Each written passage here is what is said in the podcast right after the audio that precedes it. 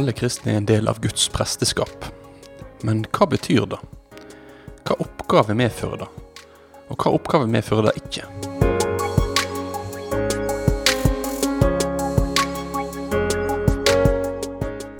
Velkommen til et eh, nytt program av Ord til liv med radio- og TV-pastor Ingvald Kårbø.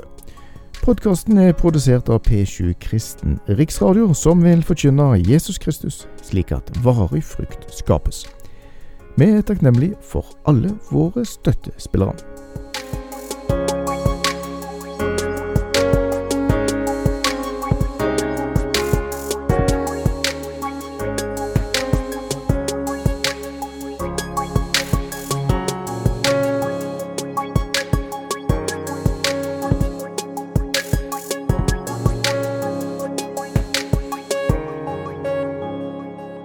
Ord til liv holder jeg nå på med en gjennomgang av første del av første Peters brev.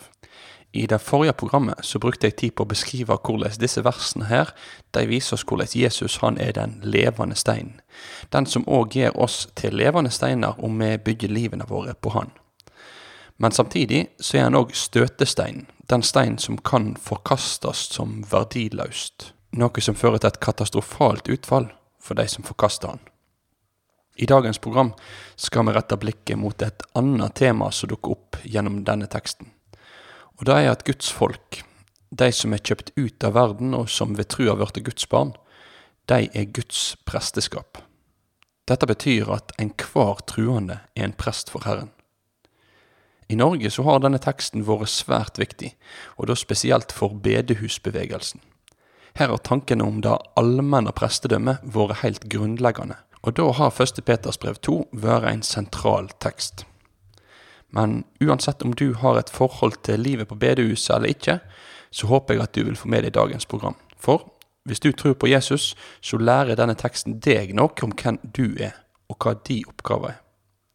Og mine hovedspørsmål i dag er hva sier denne teksten om det å være en prest for Herren?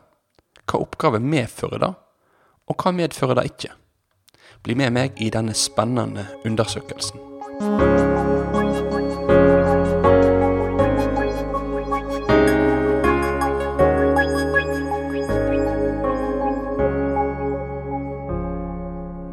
Vi leser sammen 1. Peters brev, kapittel 2, og vers 4-5, og vers 9. Kom til Han, den levende stein som vart vraka av mennesket, men som er utvald og kostelig for Gud.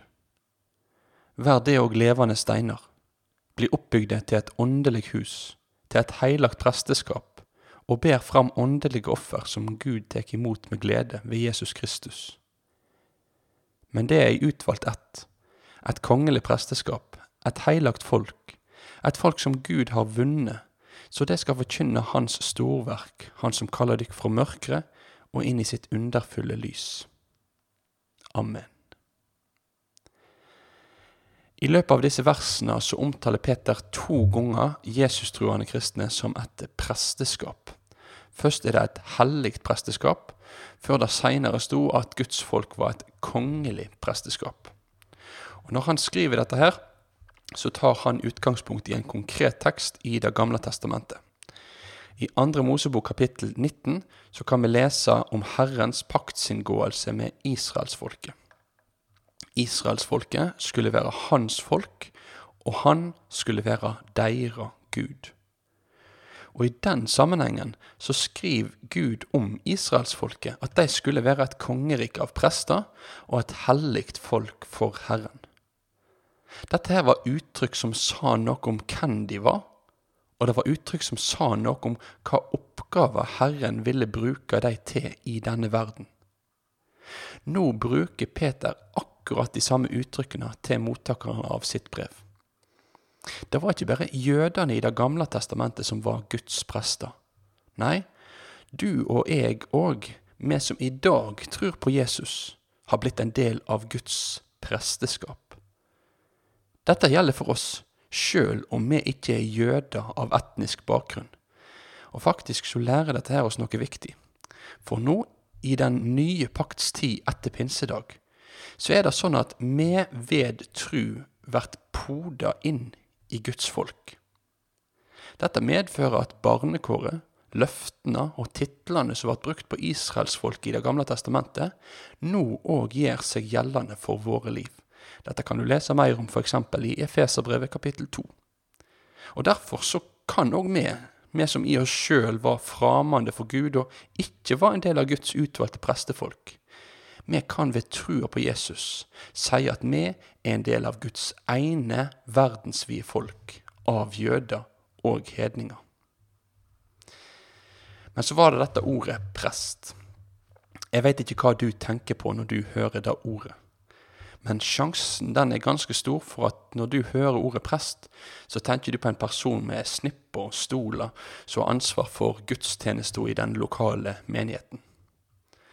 Og når jeg da sier at alle er prester, betyr det da at hvem som helst av oss skal kunne gå inn og ha denne funksjonen i en menighet? Det kan være lett å forstå teksten sånn, for da vi i våre hoder danner et likhetstrekk mellom det å være prest og det å være hyrde i en lokalforsamling. Men for å si det rett ut, teksten i første Peters brev er egentlig ikke særlig aktuell for å vurdere hvem som kan og som ikke kan bli en sokneprest. Når det gjelder tjenester knyttet til åndelig lederskap som underhyrder under overhyrden Jesus, så har vi tre brev i Bibelen som bruker veldig mye tid på akkurat dette her. Og Det er første Timoteus brev, andre Timoteus brev og Titus brev. Her står det nøye spesifisert at dette ikke er oppgave som alle truende automatisk har krav på å kunne gå inn i. Så Bibelen gir oss retningslinjer for at det skal være et åndelig lederskap i den lokale forsamlingen, og hva som skal kjennetegne de som er en del av dette. Men om vi vil finne svar på disse kjennetegnene, da er det framfor alt andre plasser enn første Peters brev vi må lete. Så jeg kommer derfor ikke til å gå så mye nærmere inn på det nå. Hvis de er interessert i det og ønsker det, så får de gi beskjed, så kanskje vi kan lage en egen serie av Ord til liv på det seinere.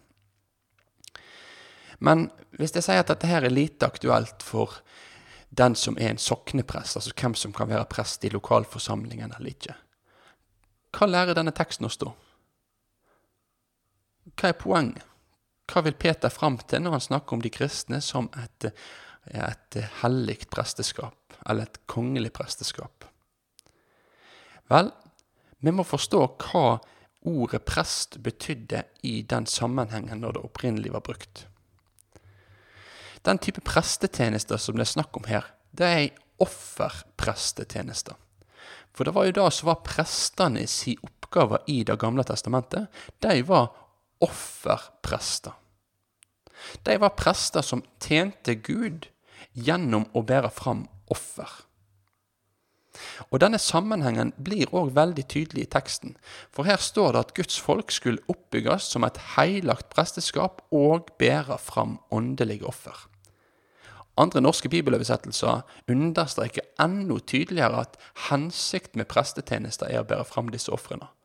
Derfor så står det i Norsk Bibels oversettelse at vi har vært oppbygd til et heilagt presteskap til å bære fram åndelige offer.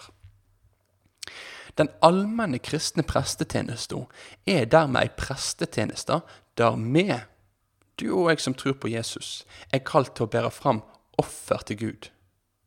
Du og jeg, vi er ikke sokneprester, men vi er offerprester.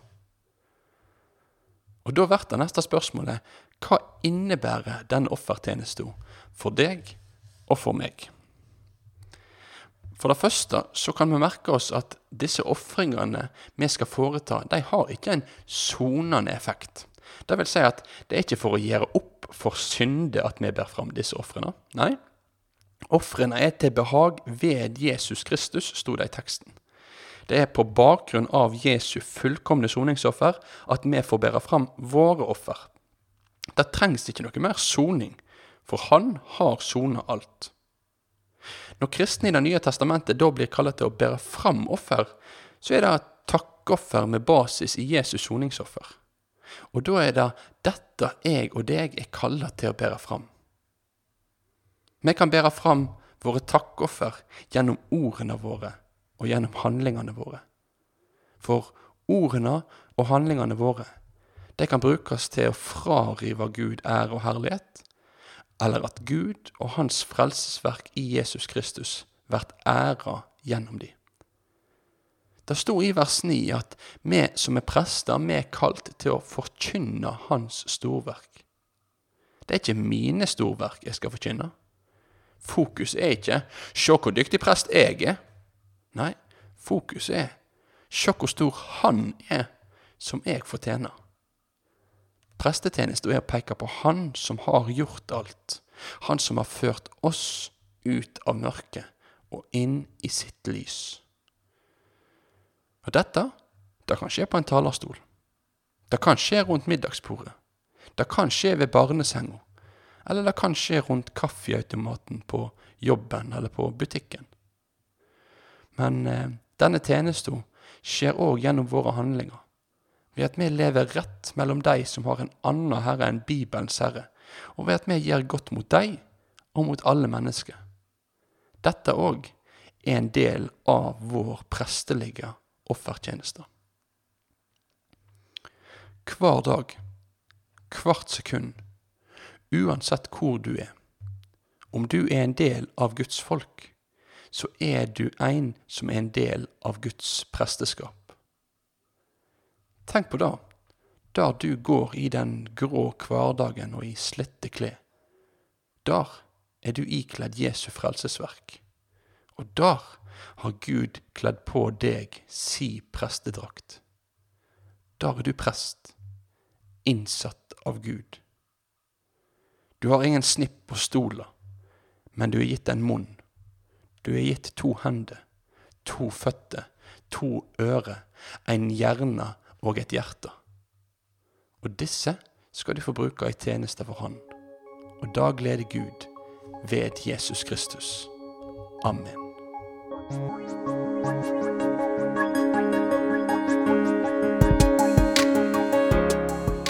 Takk for at du hørte på Ord til liv med radio- og TV-pastor Ingvald Kårbe. Vi håper at podkasten har fått vært til velsignelse for deg.